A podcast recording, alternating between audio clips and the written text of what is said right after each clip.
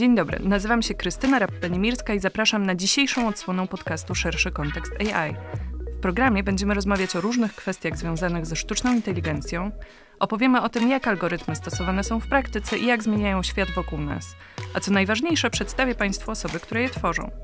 Moimi dzisiejszymi gośćmi są profesor Piotr Stankowski, prezes IDS NCBR oraz Bartek Pucek, przedsiębiorca, popularyzator nowych technologii w biznesie oraz autor newslettera.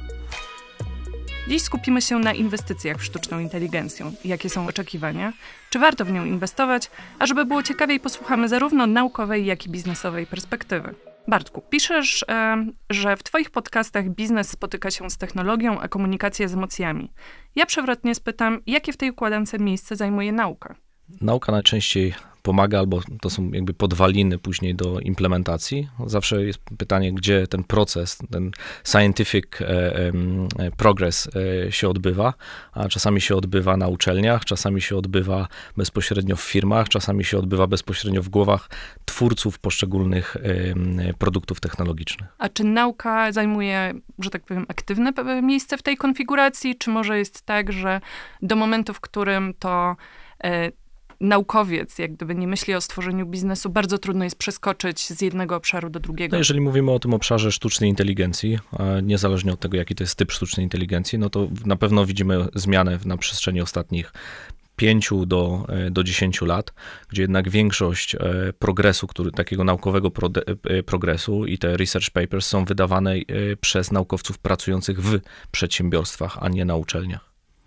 No to tutaj y, zapytam y, Piotrze ciebie o zdanie. Czy, czy zgadzasz się z taką tezą? To jest coś, co no, jest bardzo charakterystyczne dla sztucznej inteligencji. Tak? To w jakimś sensie od lat no, tym e, wydaje się, że tym paliwem dla sztucznej inteligencji no, są dane. Tak? Ogrom, te ogromne koncerny posiadają ogromne dane, są w stanie tak naprawdę zrobić e, rzeczy, których no, w, w ośrodkach naukowych, akademickich nie jesteśmy w stanie zrobić. E, też oczywiście mają dużo większe moce obliczeniowe niż, niż nauka może mieć mm, kiedykolwiek dostępne, więc no widać, że tak jakby no to ten progres dzieje się troszeczkę w innych miejscach, tak? Więc e, te, te badania naukowe, czy, czy właśnie środki, ośrodki akademickie, no muszą jednak w inny sposób tak jakby konkurować z tym, z tym biznesem, tak? Zwracać uwagę na inne rzeczy, no, budować tą narrację wokół sztucznej inteligencji troszeczkę w inny sposób. Innowacje to w sumie dosyć e, wyświechtany i chyba nadużywany termin. E, co one oznaczają właściwie w nauce? Pewnie e, tu trzeba troszeczkę opowiedzieć, jak działa nauka, jak działa biznes i dlaczego te innowacje tu i tu są troszeczkę inne. I, I rzeczywiście, tak jakby to, co w ostatnich latach obserwujemy, to pewien taki dysonans, tak? To znaczy są takie innowacje publikowalne i są innowacje wdrażalne, tak? I, i, i zupełnie one w inny sposób są tworzone, inaczej, inaczej robione, inaczej określa się ich sukces e, zupełnie. To zresztą o tym e, troszeczkę słyszeliśmy w trakcie tej naszej konferencji, którą my organizowaliśmy, gdzie właśnie ta e, Sharon, która nas odwiedziła, opowiadała, że, że no, tak jakby jak chcemy użyć tej sztucznej inteligencji, e, na przykład w badaniach medycznych, no to doprowadzenie do tego, żeby ona była użyteczna, to, to są dużo bardziej skomplikowane, dużo bardziej czasochłonne projekty, które wymagają dużo większej wiedzy i, i, i trwają czasami 3, 4, 5 lat, żeby tak naprawdę wypracować tą technologię, wdrożyć ją i, i użyć. Natomiast w nauce te innowacje powstają w 3 miesiące, 6 miesięcy. Chodzi tylko o to, żeby opublikować y, często fajną pracę, gdzie będzie nowa technika i ona ma tylko działać na takich y, bardzo ograniczonych y, zbiorach danych. Tam bardziej nie chodzi o rozwiązanie rzeczywistego problemu, a dużo bardziej o tak jakby pokazanie nowych, nowatorskich me metod technologii. No i trzeba tak naprawdę, i to nie jest tylko, to nie dzieje się tylko w Polsce, to się dzieje na całym świecie, tak? No trzeba wykonać pewną pracę, żeby te, te dwa światy próbować połączyć, tak? Żeby rzeczywiście te no, najnowsze techniki no, doprowadzały do tego, do rzeczy, które są wdrażalne, użyteczne i, i z których każdy z nas może skorzystać. To ja tylko y, słowem wyjaśnienia. E, ta konferencja, o której wspomniał Piotr, to y, takie nasze przedsięwzięcie, pierwsza próba zbliżenia trochę tego środowiska naukowego i biznesowego do siebie. Y, postawiliśmy przed sobą takie zadanie, żeby skierować to do sektora deep tech, który działa w Polsce a motywem przewodnim były porażki, których tak bardzo się boimy i które tak bardzo e, usiłujemy odczarować i które, jak wiemy, są nieodłącznym elementem procesu jakiegokolwiek rozwoju. E, tak więc e, zaprosiliśmy właśnie zarówno przedstawicieli działów R&D w firmach, e, naszych naukowców, jak i ekspertów e, z zewnątrz, również gości zagranicznych, którzy rozmawiali o, o tych porażkach w bardzo różnych obszarach biznesowych, e, zarówno od strony, nie wiem, grantów finansowania, jak i samych projektów badawczych, ale również kwestii, które czasami bywają też pomijane i, i w środowisku naukowym, i myślę, że w tych e, firmach e, deep techowych, takich, nie wiem, jak przywództwo, e, różnorodność, kwestie HR-owe. Mm, Ale wracając do, do samego tematu innowacji, mamy trochę informacji o tym, jak to może wyglądać z perspektywy naukowej. Bartku, jak ty oceniasz, czym są innowacje i jak gdyby co jest faktycznie tym em, przełomowym, nowym produktem, rozwiązaniem, co ma potencjał? Ja tutaj raczej jestem zwolennikiem, jeżeli mówimy w ogóle o takim pojęciu e, innowacji, to raczej to jest proces tworzenia nowych e, idei, e, nowych produktów, nowych usług, nowych procesów, które, albo modeli biznesowych czasami za pomocą technologii, które przynoszą wartość użytkownikom, klientom, czyli takie, które rozwiązują problemy. Technologia służy do rozwiązywania problemu do, dla e, potencjalnych e, klientów czy odbiorców. Teraz e, z punktu widzenia takiego jakby opisania tego, tak, to ja jestem wielkim zwolennikiem jakby Claytona Christensena i tych e, teorii jego o, o, innowacji, jakby całego tego e, frameworku Innovators Dilemma, gdzie mamy do czynienia z sustaining innovation, z disruptive innovation i tak dalej, i tak dalej. Dla mnie na koniec dnia, jeżeli ja myślę sobie o w ogóle wprowadzaniu innowacji, czy takim postępie technologicznym, to jakby ja jestem zwolennikiem tej tezy, że jakby nauka, postęp technologiczny, czy ogólno pojęty jakby know-how, to jest tak naprawdę nabywanie e, mądrości i to jest źródłem wszystkiego, co z punktu widzenia cywilizacyjnego trafia nam się dobrego na przestrzeni e, e, tego, jak istniejemy na, na Ziemi jako, jako e, gatunek. Czyli wyższy standard życia, większa, czy długość życia, zdrowsze życie, miasta, czy rozwój miast, rozwój filozofii też bierze się z tego, z tego postępu, tak naprawdę jakby kolektywnego zwiększania mądrości. Teraz pojawiają się tam oczywiście kilka problemów, szczególnie na przestrzeni ostatnich kilkudziesięciu lat. To jest pytanie, czy my kolektywnie nabywamy coraz większą mądrość, którą jesteśmy w stanie na te e, innowacje, e, czy za pomocą tych innowacji e, sprawiać, że nasze życie staje się jeszcze lepsze. Tak? No jeżeli wydajemy mm, kilka razy więcej per uczeń pieniędzy na edukację, to czy widzimy kilka razy większy postęp w tym, w tym zakresie. Jeżeli przez x set lat spędza się kilkanaście lat na samym procesie edukacyjnym, a wiemy, że um, im krótszy okres życia spędzony na wytwarzaniu innowacji przez ludzi, tym mniej tych innowacji zostanie wytworzone, a jednocześnie nie zmieniamy w żaden sposób tego procesu, zawsze są znaki zapytania. I to, co jest jakby atutem tej, um, bardzo często atutem e, z punktu widzenia tworzenia produktów technologicznych przez biznes, jest to, że to tempo jest narzucone od razu wysokie. Tak? Czyli nie ma czasu na, do stracenia po to, żeby spróbować zbudować ten biznes, utrzymać e, e, tą firmę. Czasami oczywiście to jest szalone tempo, ale trzeba pamiętać, że jakby to ce- cechuje e, jakby wszystkich wielkich założycieli firm, czy generalnie rzecz biorąc innowatorów, czy wyna, jakby wynalazców, jest to, że po pierwsze zawsze im się śpieszy i nigdy się nie poddają. Czego nie, można, czego nie można powiedzieć, czego nie można bardzo często powiedzieć z punktu widzenia takiego e, typowego e, progresu e, naukowego, który być może czasami jest oparty albo o tą część taką a, e, tak, czyli mm, kto mnie zacytuje, to lepiej, albo z umiejętnością, to jest bardzo ważne, też umiejętnością komercjalizacji e, też bardzo ciekawych rzeczy, które na tych uczelniach się e, dzieją, bo na przestrzeni wielu, wielu lat, czyli Szczególnie jeżeli mówimy o tej części związanej z sektorem technologicznym, Doliną Krzemową, tak, to bardzo wiele z e, tych badań, w szczególności w latach 50. i 60., absolutnie wychodziło ze środków e, naukowych i akademickich. Zresztą tak jest do, e, do tej pory, aczkolwiek to przecięcie, nawet nie tyle przecięciem, ile ta integracja z biznesem i uczelniami jest dużo, dużo głębsza. Znacie odpowiedź na pytanie, dlaczego tam jest głębsze? Lepsze? To jest trudne pytanie.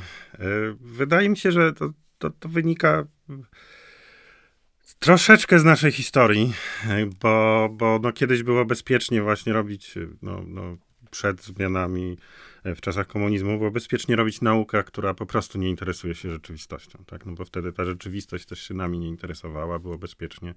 I do tego tak naprawdę no, żeby zmienić to podejście, no, które jednak jest y, obecne, tak, no to, to, to, to wymaga czasu, tak, no bo mm, tak naprawdę, no, opłacało się naukowcowi nie robić nic przydatnego, bo, bo po prostu wtedy musiał tak jakby podejmować właśnie tę współpracę z przemysłem, e, z polityką i, i, i było to dużo mniej przyjemna praca tak naprawdę.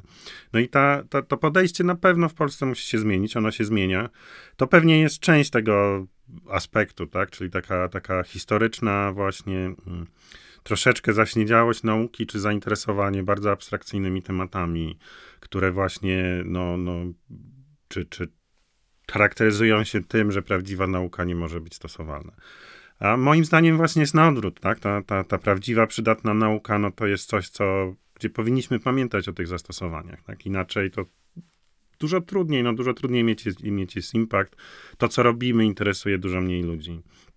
I, i musimy troszeczkę zmieniać to podejście, tak? Więc e, moim zdaniem jest to taka walka raczej o, o, o zmianę mentalności i, i, i, próbę tak jakby nauczenia ludzi, no myślenia jednak na, o nauce w troszeczkę inny sposób i to się dzieje. Mam nadzieję, że to przyspieszy y, też dzięki naszym działaniom, ale, ale no jest to pewne wyzwanie. Natomiast jest e, pewnie wiele aspektów, dlaczego tam, tam się dzieje dużo więcej rzeczy, tak? No, no, no, ta, ta słynna Dolina Krzemowa właśnie jest, e, jest w Stanach.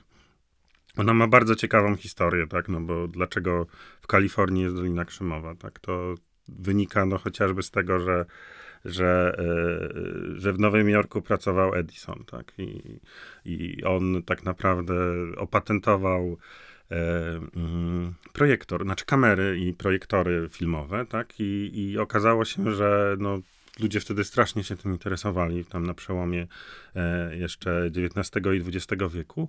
I okazało się, że właściwie nie są w stanie kręcić filmów bez, e, no, bez opłacenia ogromnych licencji Edisonowi. Więc oni wszyscy się zapakowali, pojechali do Kalifornii i przekonali stan Kalifornia, żeby tak naprawdę e, uchwalił prawo, które zakazuje zakazów konkurencji, tak? Czyli e, po prostu wymusili na Stanach, na stanie Kalifornia, żeby e, Edison nie mógł ich sądzić za to, że oni teraz kręcą te filmy, filmy w Kalifornii, tak? I to jest taki, w jakimś sensie przypisuje się temu początek powstania później też Doliny Krzemowej, no bo Kalifornia ma właśnie takie bardzo nierestrykcyjne prawo odnoszące do konkurencji. Tak? Ja mogę pójść do, do Google'a, popracować tam rok i nie ma problemu z tym, że ja następnego e, składam papiery, odchodzę i zakładam tak naprawdę firmę konkurencyjną do tego, czego się nauczyłem w Google. Tak? To jest e, rzecz, która no, jest pewnie bardzo... Mm, specyficzna dla tego miejsca. Tak? My jesteśmy tego aspektu prawnego często pomijamy, koncentrujemy się na, na, na tej jakości uczelni i innych rzeczach, więc, a to, to miało kluczowe znaczenie, dlaczego to się właśnie tam wydarzyło, tak? Oczywiście ten aspekt związany z, z uczelniami ma ogromne znaczenie, tak? No te, tam jest kilka właśnie bardzo dobrych uczelni, które tworzą e, te innowacje, gdzie rzeczywiście studenci podchodzą, zakładają firmy, e, czy też pracownicy uczelni, tak? To w informatyce teraz, no jak się człowiek pojawia na amerykańskiej uczelni, no to każdy profesor ma jakąś firmę, bądź myśli o tym, jak założyć ten startup. No w Polsce tej właśnie mentalności cały czas nie ma, tak? To znaczy my nie, nie prowadzimy badań po to, żeby zakładać firmy, tak? I to jest y, pewna, pewna taka ogromna różnica, tak? To znaczy rzeczywiście w Stanach jest takie podejście, że, że, że ja prowadzę badania, które potencjalnie mogą doprowadzić do założenia startupu. U nas tego procesu jest bardzo niewiele, tak? To znaczy niewiele osób angażuje się w takie, e, w takie, w takie badania. Chodzi o to, żeby właśnie zdobywać granty, publikować, ale, ale ten proces właśnie, czy, czy pomysł, e, jak doprowadzić do założenia firmy na podstawie tych badań jest, no nie jest tak, tak obecny, tak? tak ważny.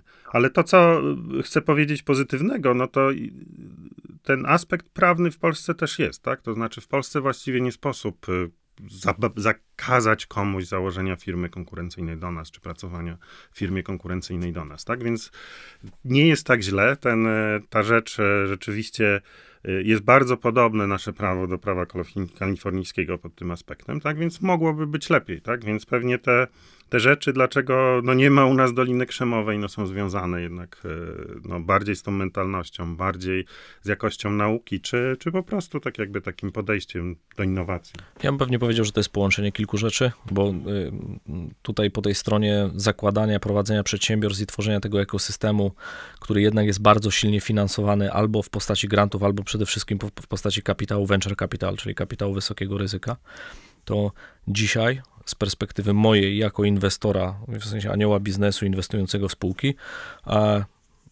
nie ma zbyt wielu argumentów do założenia firmy w Polsce i nie ma praktycznie żadnych argumentów do zakładania funduszy venture capital w Polsce z mojej perspektywy.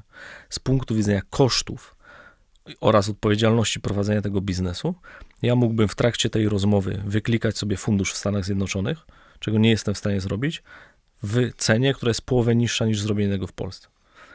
Podatek, który zapłacę ja jako inwestor wysokiego ryzyka, gdzie jeżeli zainwestuję w 10 spółek, stracę większość pieniędzy, które zainwestowałem w te spółki, prawdopodobnie zgodnie z matematyką jedna się uda, a zapłacę ten sam podatek jak osoba, która inwestuje w, w obligacje Skarbu Państwa.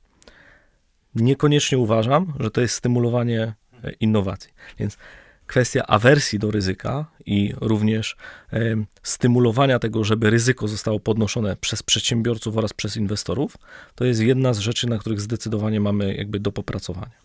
W przypadku uczelni, e, ten przykład w Stanach, moim zdaniem on jest bardzo, bardzo ważny, który podałeś, dlatego że e, moi wykładowcy na Stanfordzie to byli albo byli przedsiębiorcy, czyli którzy już poświęcili poświęcają czas na to, żeby uczyć innych tego, co się nauczyli, ale już dorobili się w swoim życiu i w zasadzie teraz jest ta kultura tak zwanego pay it forward, albo czynnych wykładowców, którzy albo pracują obecnie w firmach, albo przez wiele lat w tych firmach pracowali, czyli mają doświadczenie w biznesie. Ja nie miałem żadnego wykładowcy, który nie miał doświadczenia w biznesie. Dla mnie te osoby były wiarygodne, kiedy rozmawialiśmy o poszczególnych case'ach, e, firm, e, poszczególnych e, rozwiązaniach i w dyskusji z taką osobą można odczuć, że jest to osoba, która, jak to ładnie Amerykanie mówią, been there, done that. Natomiast kiedy zostałaby ta dyskusja wyłącznie na poziomie teoretycznym, to ja bym wrócił później prowadząc swoją firmę i popełniłbym wszystkie błędy, których być może nie popełniłbym, gdybym mógł się inspirować ludźmi, którzy kiedyś to robili, popełnili jakieś błędy i mogłem się od nich uczyć. I wydaje mi się, że z tej perspektywy to jest jakby mega istotne, co nie oznacza, że to wsparcie takie regulacyjno-sektorowo-grantowe nie jest potrzebne, bo jest potrzebne bardzo, tak. No jedyny pro... Chociaż mimo tego, że e, często e, wiemy, jak to robić, to nie zawsze potrafimy, czy wiemy jak, tak. No wiemy, że jedyny, może nie jedyny, ale najlepszy program, który się sprawdził na przestrzeni ostatnich 60 lat w rozumieniu stymulowania innowacji przez państwo, czyli program DARPA, nie jest masowo e, kopiowany przez e, e, inne państwa. Programy, które na przykład są przez DARPA uruchamiane, mają bardzo, wysoką, bardzo wysokie prawdopodobieństwo porażki, a jednocześnie te, które się udają, są autentycznie innowacjami, które zostają później wprowadzane w różnych sektorach gospodarki i robią różnicę. Więc myślę, że to jest zawsze sieć takich naczyń połączonych. E, zawsze powstaje pytanie, kto patrzy na to, czy te naczynia są ze sobą połączone i stymuluje tego typu mm, e, przelewanie się tych wartości pomiędzy tymi naczyniami, bo bardzo często to jest taka sytuacja, że biznes sobie, e, czy startupy sobie, mm, nauka sobie i tak każdy tam grzebie sobie w, w swoim miejscu i niekoniecznie później to się przelewa z jednego garnuszka do drugiego po to, żeby jednak, albo nawet nie tyle z jednego garnuszka do drugiego, ile żeby wszyscy nalewali do tego samego garnuszka. Trochę tak, e, ale to, co, znaczy to przelewanie jest mega istotne, tak? Znaczy są takie różne aspekty właśnie związane z innowacjami. Na przykład jest taki słynny e, no, w trakcie konferencji jeden z tak jakby pytających Steve'a Jobsa go tam obraża i mówi, jak on tam właśnie źle tworzy te innowacje, źle zarządza firmą, dlaczego tam teraz tej Java nie ma, tego Open Office'a w, w Apple'u, no i on i tak jakby zarzuca mu, że te rozwiązania Apple'a to nie są tak naprawdę świetne technologicznie. Tak? I, on,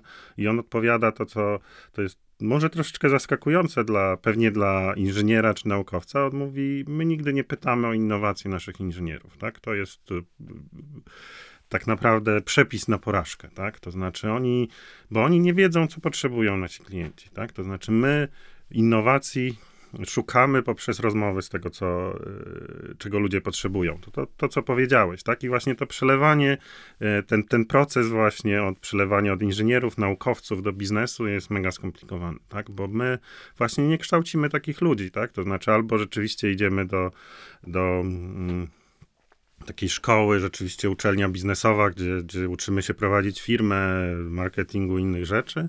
Z drugiej strony właśnie w takich uczelniach typowo w Polsce zajmujących się technologią, no to uczymy tych studentów technologii. No właśnie, czy na Wydziale Matematyki czy Informatyki, jakby, jak wygląda plan zajęć? Czy, czy studenci w ogóle mogą się oswoić z taką perspektywą, że oni mogą robić coś oprócz teorii, jak gdyby po? No właśnie, tego jest bardzo niewiele, tak? To jest coś, co y, moim zdaniem wymaga pewnej, pewnej poprawy, tak? To, to są pewnie jedne zajęcia w trakcie studiów e, na większości uczelni w Polsce, tak? O tym właśnie, jak prowadzić biznes, jak, jak zakładać ten biznes, tak? Tego jest, tego jest bardzo niewiele, tak? Więc no my potrzebujemy jednak tych ludzi, którzy rozumieją obydwie te strony, tak? No bo teraz rzeczywiście takie jakby y, no wydaje się, że Steve Jobs nie rozumiał tych, tych technologii, tak? To, to jest troszeczkę widać w tych jego wypowiedziach, tak? Ale jednak prowadził tą firmę, tworzył te technologie. No i wydaje się, że właśnie takie osoby, które rozumieją obydwie strony, no mają, mogą mieć dużo większe, tak jakby możliwości, dużo większe potencjał na powoływanie tych startupów, tak? Bo z jednej strony wiedzą, co jest możliwe po stronie technologii, a z drugiej strony rozumieją, co jest potrzebne. We wszystkich miejscach, w których ja budowałem jakieś produkty, nigdy nie było e, mowy o robieniu innowacji. Nikt nigdy nie mówił, że robi innowacje. Wszyscy budowali produkty. Na czym polega ta praca? Polega na właściwym zidentyfikowaniu problemu do rozwiązania, czyli jaki problem ma klient, który chcemy rozwiązać, albo widzimy, że ten, do, gdzieś dostrzegamy ten problem. Chcielibyśmy go rozwiązać. I teraz Cały ten proces polega na określeniu punktu A, gdzie jest rozpoczęcie problemu, punktu B, gdzie jest zakończenie tego problemu i za pomocą technologii wyjęcia wszystkich rzeczy, które frustrują.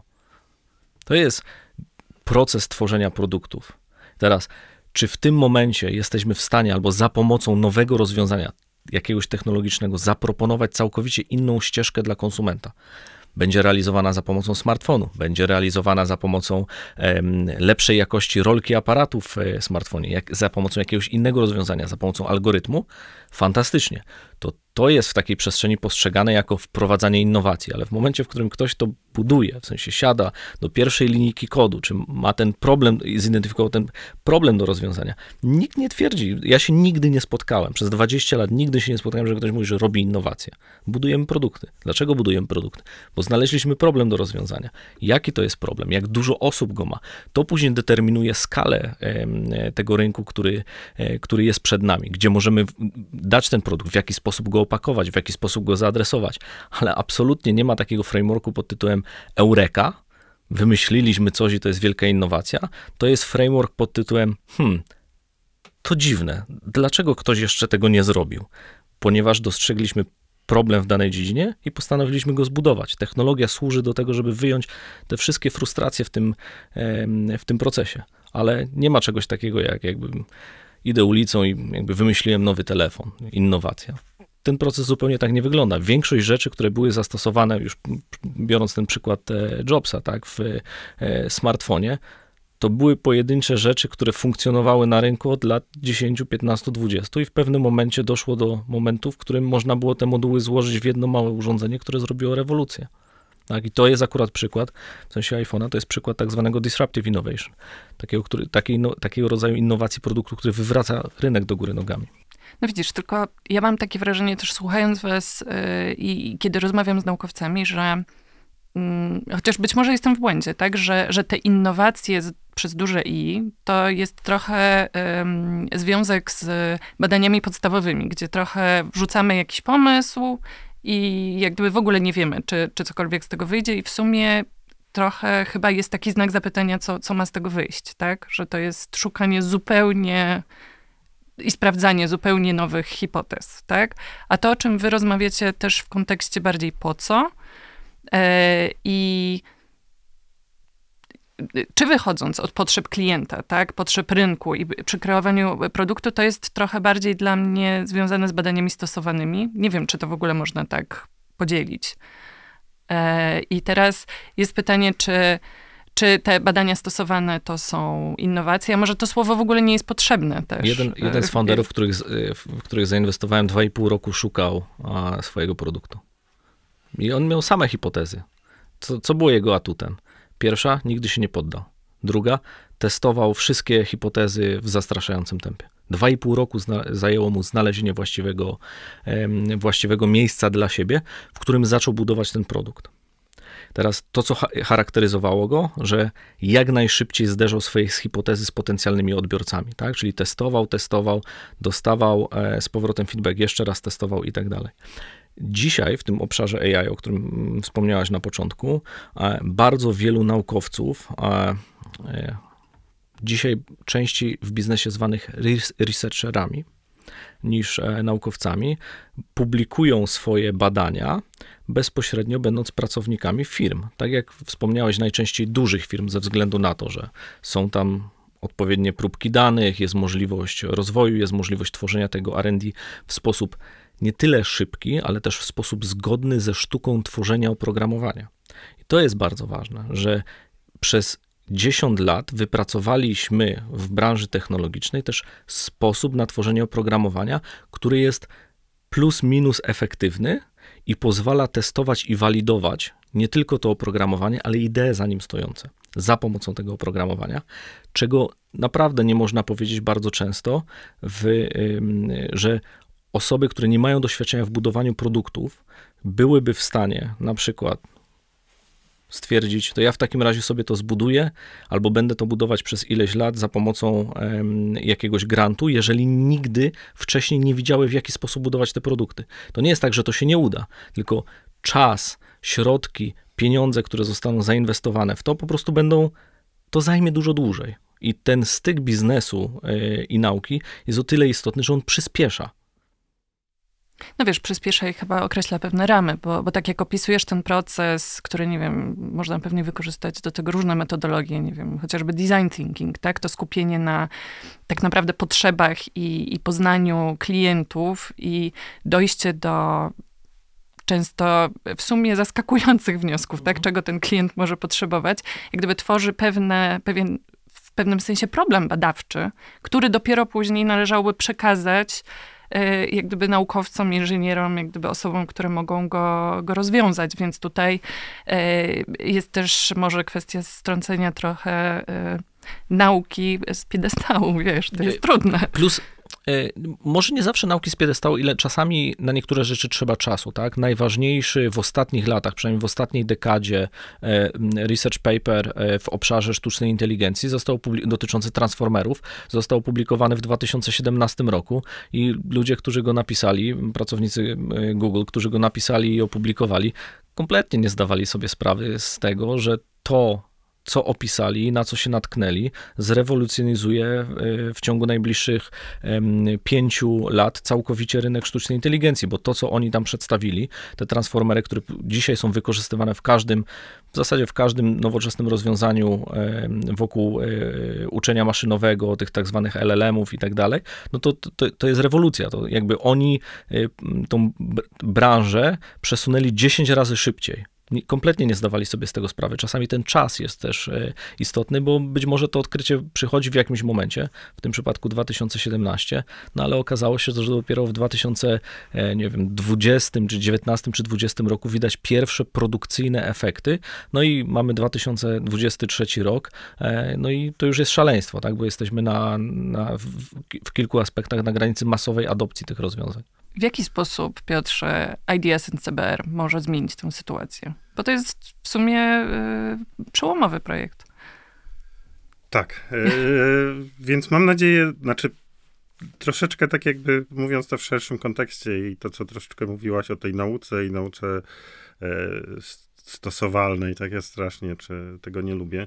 I tak jakby mm, to jest właśnie ten aspekt taki, no o którym troszeczkę wcześniej mówiłem, tak? No nauka jest nierozłączna od tych zastosowań, tak? To znaczy, i to zresztą, nie wiem, ostatnio przypominał ten twórca BioNTecha te, te słowa Pastera, tak? Który właśnie mówił o tym, że, że nauki nie powinniśmy odłączać od jej zastosowań, tak? Że to jest po prostu powiązane, tak? I pewnie ten przykład transformerów, no to jest właśnie coś takiego, tak? To jest ta nauka, która była naprawdę blisko zastosowań, tak? To danych, działania, uruchomienia, tak? To nie była praca, która dowodziła jakieś jakieś twierdzenie, tak? Tylko to była praca eksperymentalna, która pokazywała, że coś działa, tak? Że pewien program komputerowy um, umie coś zrobić dużo lepiej niż, niż to było wcześniej e, zrobione, tak? Więc e, no my właśnie w IDEAS chcemy tego typu rzeczy, tego typu zagadnienia podejmować, tak? No właśnie e, i sztuczna inteligencja jest to takie miejsce, gdzie no rzeczy dzieją się dużo szybciej, tak? Tak jak, no nie wiem, w technologii samochodowej, czy, czy, czy, czy no nie wiem, inżynierii takiej materiałowej, no to te, czy już nie mówiąc elektronice, tak? No to tam do doprowadzenia, że jakaś nowa technologia się, jest, jest wdrożona, rzeczywiście używana w tych mikroprocesorach, no to zajmuje 20-30 lat sztucznej inteligencji, no rzeczywiście, no ten przykład transformerów chociażby pokazuje, że coś po pięciu latach właściwie staje się masową technologią, tak? To jest bardzo e, nowe, nowa sytuacja w nauce i w technologii, tak? gdzie, gdzie rzeczywiście badania naukowe, te, te takie, które mają na celu zastosowanie tej nauki, no, stają się taką technologią po prostu używaną przez wszystkich, tak? Przez wszystkich. No i oczywiście są te modele językowe, tak, ale są też inne rzeczy, tak, które się wydarzyły w ostatnich latach. Tak? Są modele dyfuzyjne, tak, gdzie rzeczywiście teraz okazuje się, że grafika jest tworzona przez, e, przez komputery. Tak? Możemy napisać, e, co chcemy, jaki rysunek zobaczyć i, on, i komputer to teraz rysuje i, i robi to świetnie. Tak? Czy, czy chociażby te, e, te GANy, tak? czyli te Generative Adversarial Networks znowu, tak? które uczą się generować tak naprawdę nieistniejące obrazy, czy, czy zmieniać styl obrazów. Tak? Możemy zobaczyć, jak będziemy wyglądali nagle, jak będziemy blondynką, albo będziemy troszeczkę podobni, nie wiem, do jakiegoś polityka, tak, którego lubimy. I, i no, dzieją się rzeczy i tak jakby właściwie, no nie wiem, pewnie duża część z nas już ma te, te, te gany na swoich telefonach i tam używa ich do wysyłania mm, mm, kartek e, z życzeniami, tak. E, nawet jeśli o tym nie wiemy. Tak, tak nawet jeśli to, o tym nie wiemy, tak. I to się dzieje, tak. To, to, to rzeczywiście jest technologia po prostu tworzona teraz i, i, i którą ludzie masowo używają 5 lat później. Więc e, no, my chcemy w tym wziąć udział w Polsce, tak? No, zbudować rzeczywiście no właśnie bardzo silny ośrodek, tak? To znaczy y, taki naukowo, ale y, tak jak mówię, nauka, która patrzy na, na, na, swoje zastosowania, no który mamy nadzieję, że właśnie doprowadzi do tego, tak? Do, doprowadzi do tego, że powstaną jakieś ciekawe startupy, powstaną ciekawe firmy potem y, i, i będzie też w Polsce jakiś taki, jakby to powiedzieć, no, no, no wyraźnie e, widoczny mm, ośrodek naukowy w sztucznej inteligencji. To ja może dodam jako mm, przedsiębiorca i, i, też twórca takiego chyba pierwszego AI labu, e, e, prywatnego przynajmniej w, e, E, w Polsce, że ten, to, o czym powiedziałeś, jest szalenie istotne, że ten styk i też umiejętność przyciągania nauki do później implementacji takiej typowo produktowej jest bardzo ważne, tak, że te, te, te papers, tak, te publikacje, one są istotne. Jeżeli ktoś później potrafi, i to jest, ja upatruję w tym nasze zadanie, przekładać je później bezpośrednio na e, produkty i na implementację w bardzo szybkim czasie, no bo tu czujemy, że my mamy w tym kompetencje, tak, w sensie jesteśmy w stanie je, e, je budować I bardzo ciekawym trendem, bo wydaje mi się, że to, co dotknąłeś tutaj, to też dobrze obrazuje jedną ciekawą rzecz. W tym obszarze Generative AI można dostrzec z jednej strony demokratyzację dostępu do technologii, czyli coraz więcej osób, na przykład artystów, jest w stanie, wcześniej trzeba było specjalistyczny skill set, a, żeby wykorzystywać e, tego typu technologie. Dzisiaj one, ten dostęp się do, demokratyzuje, jest łatwiejszy w przypadku no, artystów. Z drugiej strony, w przypadku naukowców, to oznacza, że jest większa chęć e, na zatrudnianie naukowców bezpośrednio u siebie w organizacjach, co też moim zdaniem jest bardzo ciekawym procesem, ponieważ pozwala naukowcom, żeby ta praca, w szczególności tym, którzy chcieliby, żeby ta ich praca przechodziła w rozwiązania, z których później jest szersze wykorzystanie, na po pierwsze bycie w miejscu, w którym jest to możliwe do zrobienia, po drugie, sprawdzenie, czy faktycznie te założenia można przetestować mm, w życiu, a, nie tylko na, e, na papierze. I ten trend, który jest w obszarze sztucznej inteligencji, dotyczący zatrudniania e, naukowców bezpośrednio w biznesie, ja akurat jestem zwolennikiem, no, po pierwsze, zwolennikiem tego trendu, e, po drugie, uważam, że on będzie coraz szerszy i, i myślę, że to wyjdzie wszystkim stronom na dobre, bo nawet jeżeli część z tych naukowców później wróci bezpośrednio do kariery naukowej na uczelnię, to ich perspektywa budowania rzeczy i e, tworzenia e, nowych rzeczy będzie już zupełnie inna. I to tak jakby kamyczek do kamyczka jest w stanie stransformować też ten proces bezpośrednio po stronie, po stronie uczelni. Myśląc o trendach jeszcze w obszarze AI, w którą stronę Twoim zdaniem AI będzie się najintensywniej rozwijać? No, ja bym powiedział tak, że na dzień dzisiejszy chyba takie dwa, dwa procesy, które, bo oczywiście w zależności od tego, jaki rodzaju tej sztucznej inteligencji będziemy mm, rozmawiać, tak, I, i myślę, że to jest taka bardzo istotna różnica pomiędzy tym, czy to jest e, narrow intelligence, general intelligence, czy super intelligence. Ponieważ ja jestem osadzony w biznesie, więc zajmuję się raczej tą częścią po stronie uczenia maszynowego, po stronie e, sieci neuronowych, implementacji tego typu rozwiązań bezpośrednio w, w produktach i, e, i w biznesie. E, no na pewno tą, tym ważnym trendem dzisiaj jest to, co się dzieje dzieje po stronie Generative AI, tak? czyli po stronie tej, tej sztucznej inteligencji tak zwanej e, generatywnej, dlatego że w tym obszarze no już w tej chwili mamy po pierwsze duży udział Polaków, co jest fantastyczne. Um, są e, usługi od text to voice, czyli praca nad te zamienianie tekstu w głos, tekstu image, w szczególności dla, dla artystów. Jest tutaj polscy artyści jakby w tym obszarze niesamowite rzeczy zaczęli absolutnie tworzyć i uważam, że to jest zapowiedź też pewnego rodzaju renesansu dla, dla, polski, dla polskich e, artystów. Text to code, tak? Czyli pisanie kodu, gdzie w przypadku w szczególności polskich deweloperów uważam, że też jest też ogromny, e, ogromny mm, atut. No i rozwiązania typu e, tekstu audio, no, gdzie mamy na dzień dzisiejszy e, lidera, czyli firmę Eleven Labs, która jest uważana za lidera światowego e, w tym obszarze, gdzie tak zwany voice cloning, ja akurat sklonowałem swój e, głos za pomocą tego narzędzia, czyli napisałem wstęp do sztucznej inteligencji dla liderów biznesu, napisałem go sobie na komputerze, następnie za pomocą voice cloningu um, sklonowałem swój głos i wydałem to samo w formie audio i w momencie, w którym jakby przesłuchacie tego, to ten głos jest nieodróżnialny od mojego głosu, tak? W sensie da się go komuś, nawet członkom rodziny, jest absolutnie nieodróżnialny, tak? I to jest zapowiedź zarówno tych dobrych rzeczy, jak i tych rzeczy, które każda technologia ze sobą niesie. One tam jest zawsze taki balans potrzebny pomiędzy wykorzystaniem tego do dobrych celów i wykorzystaniem tego do złych celów. Ale dla mnie ten obszar generative AI dzisiaj jest bardzo ważny i wszystko to, co dzieje się również w obszarze e, tym, powiedzmy to twardszym, czyli generalnie rzecz biorąc rozwoju algorytmów, rodzajów algorytmów, rodzaju modeli, e, tych, tych algorytmów e, i przede wszystkim z punktu widzenia talentu, który będzie, znaczy już bardzo aktywnie w tą stronę zmierza, ale ludzi, których potrzeba w tym obszarze, zarówno od strony naukowej, jak i od, czyli e, naukowcy, e, research, e, plus inżynierowie, w szczególności ML engineers i data scientist, no to ten obszar jest jakby jeszcze do zagarnięcia. To jest ogromny potencjał z punktu widzenia też, wydaje mi się, naszego kraju, też polskich, polskich firm technologicznych.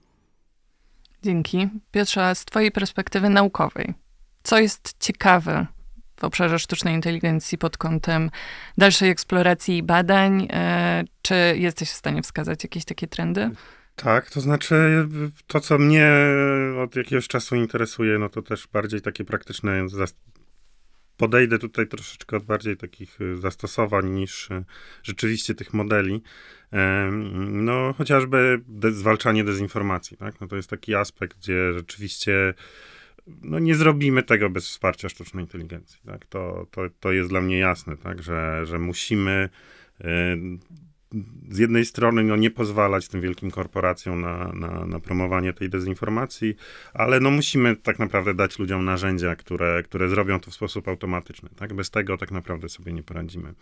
Jest pewnie taki aspekt, no, który ma gigantyczne znaczenie w ostatnich ostatnim roku, no to są zastosowanie sztucznej inteligencji w bezpieczeństwie. Tak? To, się, to się po prostu dzieje na, w różnych aspektach, na różnych poziomach i, i moim zdaniem tak jakby ta nasza sytuacja geopolityczna no, wygeneruje tak naprawdę za ten rok, dwa wielokrotnie, znaczy kilka bardzo ciekawych firm, które tutaj powstaną w Polsce w tym, w tym zakresie, czy zastosowań sztucznej inteligencji. To jest coś, co się, co się teraz dzieje te firmy często są takie troszeczkę niewidoczne, no bo, no bo te aspekty po prostu o nich się ogólnie nie dyskutuje, ale myślę, że tutaj będzie bardzo dużo się działo, tak? To znaczy, no nie bez powodu, tak jakby, no rzeczywiście te zastosowania o tym, o czym co mówiłeś, tak, te darpowskie, no, wychodzą dużo szerzej, tak, no więc teraz w Polsce rzeczywiście mamy takie zastosowania, takie, takie aspekty i, i moim zdaniem to wygeneruje bardzo dużo ciekawych y, projektów, pomysłów, y, firm i, i rzeczy, które tak naprawdę zaowocują za kilka lat. Y, to, co mnie też mega interesuje i tutaj troszeczkę jeszcze sztuczna inteligencja do tego nie dojrzała, tak, do tego zastosowania takiego szerokiego, ze względu na różne inne aspekty, no ale to są zastosowania w medycynie. Znów, tak, no to po prostu nadchodzi, tak. E, będziemy coraz częściej e, mieli do czynienia z tym, że sztuczna inteligencja wspiera lekarzy w ich decyzjach, tak? E, pokazuje pewne aspekty, tak? No, automatyzuje pewne procesy e, i to raczej zyskiem dla wszystkich, tak? No to jest taki, takie miejsce, gdzie gdzie no, widać ogromny potencjał, tak? tak? Czy musimy jeszcze jako z jednej strony naukowcy, ale z drugiej strony przedsiębiorcy, tak, e, mm, pokonać pewne problemy, no z jednej strony takie naukowe, nie wiem, chociażby z wyjaśnialnością, czy, czy, czy solidnością tej sztucznej inteligencji, no a z drugiej strony rzeczywiście jako przedsiębiorcy przekonać tak jakby tych lekarzy, żeby, e, żeby tego stosowali, żeby zaufali ale no po prostu to tutaj będą gigantyczne zastosowania, gigantyczne tak naprawdę zdrowotne zyski dla wszystkich, tak, no bo to e, jak tak popatrzymy sobie, no to, no to w swoim życiu, no nie wiem, lekarz może zobaczyć, nie wiem, może 10 tysięcy zdjęć e, rentgenowskich, tak, różnych, no może niektórzy widzą więcej, tak, a sztuczna inteligencja rzeczywiście jest w stanie się nauczyć, no e, rozumieć te obrazy na po prostu wielokrotnie większych danych, tak? No w jakimś sensie nagle może zakodować całą wiedzę ludzkości dotyczącą na przykład diagnostyki jakiejś choroby, po prostu możemy zakodować w, w, w algorytmie i tak naprawdę zakodować wiedzę, jaką posiadają wszyscy, wszyscy eksperci na świecie odnośnie tej, tej danej choroby, tak? No więc widać, że to może zadziałać lepiej, w niektórych aspektach już, już rzeczywiście działa lepiej. Więc moim zdaniem, no te, te rzeczy nadchodzą, no to są takie trendy, moim zdaniem, e, które się aktualnie dzieją. Poruszyliśmy kwestię samego, że tak powiem, procesu tworzenia innowacji. od strony jak gdyby produktu, od strony e, branż, które, e, które mogą go wykorzystać. Jeszcze mam pytanie o to, czy w waszym zdaniem w ogóle mniejsze firmy, nie, nie tak gigantyczne, tak, mają szansę korzystać z tych benefitów związanych z coraz większą liczbą produktów, e, usług opartych na sztucznej inteligencji. Jak gdyby, czy, czy są w stanie e, skorzystać e, z tych innowacji, które są tworzone w innych miejscach? No na pewno. To jest oczywiście w zależności od tego, jakiego rodzaju rozwiązania, w jakiego rodzaju sektorze, tak? Bo dlatego, że tam, gdzie mm, mamy do czynienia z ogromną istotnością próbki, którymi karmione są te algorytmy i jeżeli te dane pozostają zamknięte i prywatne, nie wiemy, czym zostały na przykład nakarmione, to to może być przewaga konkurencyjna i, i, i, tu ewidentnie widać, że duże firmy mogą być jeszcze większe dzięki temu. Z punktu widzenia produktów, które są w szczególności open source'owe, w których można e, wiemy po pierwsze, jakimi rodzajami danych są karmione, albo możemy je nakarmić swoimi danymi, tak? czyli we, wewnątrz naszego przedsiębiorstwa, po to, żeby uzyskać jakąś e, wartość, to zdecydowanie. Przy czym trzeba też pamiętać, że to nie zawsze jest tak, że to każda mała firma teraz będzie firmą, która tworzy swoje własne algorytmy, dlatego że po prostu firmy, które oferują rozwiązania, które są wspierane za pomocą algorytmów, będą miały większe szanse też dotrzeć do coraz większej rzeszy firm. I to jest raczej proces nie tyle adoptowania sztucznej inteligencji, ile proces transformacji cyfrowej przedsiębiorstw. I teraz bardzo wiele przedsiębiorstw nadal, w szczególności na polskim rynku w sektorze MSP, nie przeszła transformacji cyfrowej. Więc jedna rzecz to jest adoptowanie sztucznej inteligencji, czy też algorytmów w różnego rodzaju rozwiązaniach, ale drugi, dużo ważniejszy proces to jest proces transformacji cyfrowej tych samych przedsiębiorstw. I transformacja cyfrowa, wtedy mówimy nie tylko o transformacji technologicznej, to znaczy z jakich komputerów używamy, tylko w jakie mamy kompetencje w organizacji do tego, żeby tą technologią się posługiwać. I w każdej transformacji cyfrowej ludzie to jest najwa- ludzie i edukacja to jest czynnik numer jeden. Dopiero za tym idą rozwiązania technologiczne, dopiero za tym idzie umiejętność e, adoptowania rzeczy, które są e, dzisiaj ważne albo jutro będą jeszcze ważniejsze z perspektywy budowania przewagi konkurencyjnej. Tak, no to ten świat się zmienia i to troszeczkę o tym, co mówiłeś, no ta sztuczna inteligencja staje się coraz bardziej dostępna, tak, no chociażby no ci, ci artyści są w stanie tego używać, ale, ale też to, co się zmienia, no to właśnie przez otwartość, czy, czy budowanie takich otwartych, open source'owych rozwiązań, no to właściwie firmy, no każdy średnio ogarnięty informatyk już w stanie jest ściągnąć z internetu sobie ten model z Hugging Face'a, uruchomić, zastosować, tak, i, i to rzeczywiście się zmieniło na rynku, tak, tak jak kiedyś e, był, była potrzeba, żeby jeszcze te 5 lat temu na takich właśnie zatrudniamy firmę specjalizującą się na taki software house AI-owy, żeby, żeby stworzył nam rozwiązanie, no bo my przecież nie, nie mamy informatyków, którzy są w stanie stworzyć te modele, no to w tym momencie firmy często już teraz mówią informatyczne czy, czy jakiekolwiek. No w sumie to każdy informatyk już w stanie jest coś zrobić z tymi modelami uczenia maszynowego, tak? Więc to jest, to się bardzo zmieniło. Ta technologia naprawdę poszła do przodu i, i jest dużo szerzej stosowana, stosowalna i, i, i dostępna dla, dla właśnie małych i średnich firm.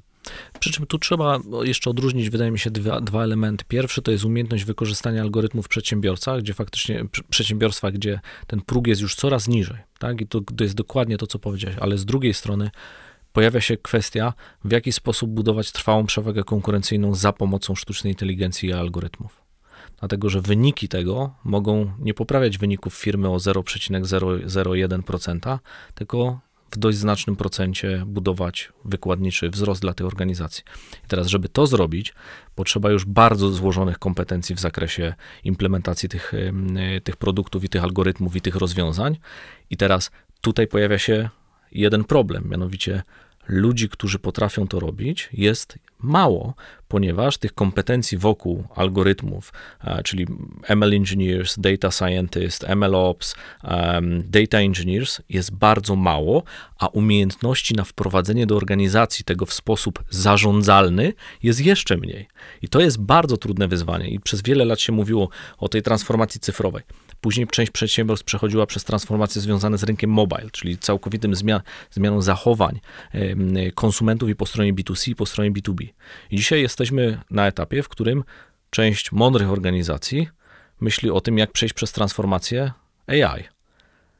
Część organizacji jeszcze o tym nie myśli. No i będziemy mieli powtórkę z tego, co mamy za każdym razem, ponieważ te cykle innowacyjne to są po prostu cykle. One się pojawiają raz na, na 10, 15, 20 lat. No i są ci, którzy robią to pierwsi, ci, którzy próbują to robić jako drudzy i ci, którzy to zaśpią i zrobią to jako ostatni. No i to już jest biznes, to już rozkłada rynek, tak? I tutaj budowanie tych kompetencji, edukacja, no firmy, z którymi ja pracuję w zakresie tych algorytmów, generalnie rzecz biorąc tej transformacji AI, e, borykają się z różnymi problemami i proszę mi wierzyć, e, sama kwestia przygotowania algorytmów nie jest najtrudniejszą z nich niestety. Dzięki wielkie. Mam jeszcze takie pytanie na absolutną dogrywkę. Nie wiem, czy słyszeliście, ale jedna z polskich firm, e, Sentione, ogłosiła, że jest w stanie stworzyć um, odpowiednik GPT, tylko lepiej. Czy to jest w ogóle możliwe? Czy to są bardzo duże ambicje i, e, i jak gdyby dostęp do danych nigdy nie będzie tak dużo? Y, no akurat dane językowe są dostępne w sposób otwarty, tak? To dlatego właśnie te, te modele językowe odnoszą tak ogromne sukcesy, tak? No bo możemy ściągnąć właściwie całą literaturę ze świata, to, czy cały internet sobie tam e, zeskrolować. I to jak najbardziej jest możliwe. No, oczywiście, no, znaczy, no, mm, po tym e, warto próbować, trzeba się ścigać. E, po tym, jak oczywiście powstało GPT-2, no to tam Chińczycy wzięli udział w wyścigu, zrobili swoje modele, dużo większe, lepsze i to e, tak naprawdę jest możliwe i, i I ja życzę im powodzenia. E, natomiast no,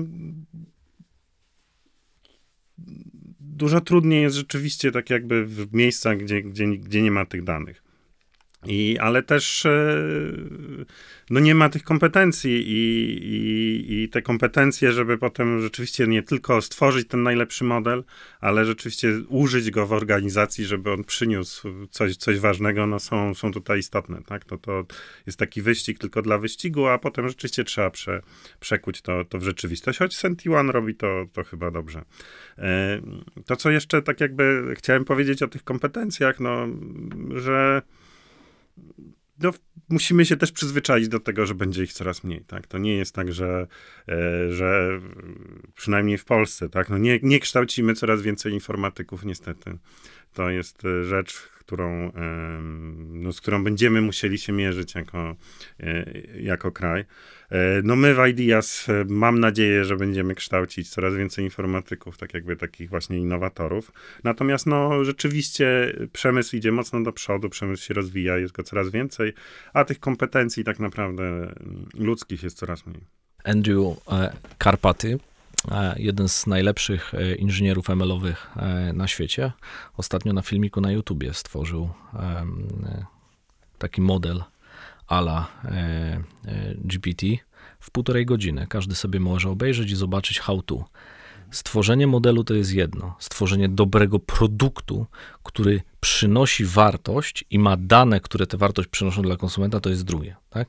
To nie powinien być wyścig na to, kto stworzy coś podobnego, to powinien być wyścig na to, kto lepiej rozwiązuje problemy za pomocą produktu i sam model w tym przypadku jest po prostu tylko i wyłącznie technologicznym środkiem do rozwiązania. I każda firma przede wszystkim, która próbuje, szapoba, to jest fantastyczne. E, każda firma, która potrafi później taki produkt wprowadzić na rynek i zwalidować go z konsumentami, ogromny szacunek i to jest jakby fantastyczne. No i przede wszystkim każda firma, która ma tą zdolność do ryzykowania w budowaniu rzeczy, to to jest najważniejsza cecha. Tak? I to, to moim zdaniem każdej tego typu firmie, każdemu tego typu rozwiązaniowi oraz ludziom, którzy próbują to zrobić, trzeba zawsze kibicować. Podsumowując, innowacje innowacjami. Ważne, żebyśmy zrozumieli, że postęp technologiczny to jedno, a proces wdrażania zmian i transformacji cyfrowej to już zupełnie inna kwestia. Do tego potrzebni są ludzie. AI za nas tego nie zrobi. Dziękuję Wam bardzo za rozmowę. Moimi dzisiejszymi gośćmi są profesor Piotr Sankowski, prezes IDS NCBR oraz Bartek Pucek, przedsiębiorca, popularyzator nowych technologii w biznesie oraz autor newslettera.